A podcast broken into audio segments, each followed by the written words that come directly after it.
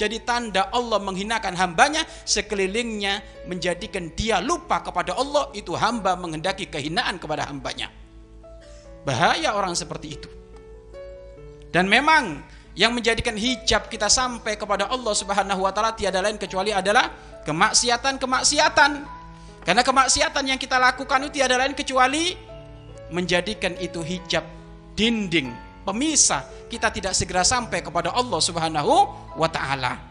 Maka dari sini kita semuanya harus banyak tobat kembali kepada Allah agar supaya kemaksiatan itu tidak menjadi hijab. Kemaksiatan tidak menjadi hijab. Contoh yang pakai kacamata.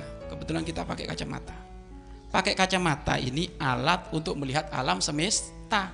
Bukan kita terkesima, terfokus melihat kacamata sehingga nggak kelihatan alam semesta. Kacamata ini kan dipakai membantu. Oh, jelas, yang terahum jelas. Tapi ada orang itu menikmati. Uh, ajib, rek. Hitam, bagus. Lu kira-kira ke alam semestanya kelihatan nggak? Nggak kelihatan.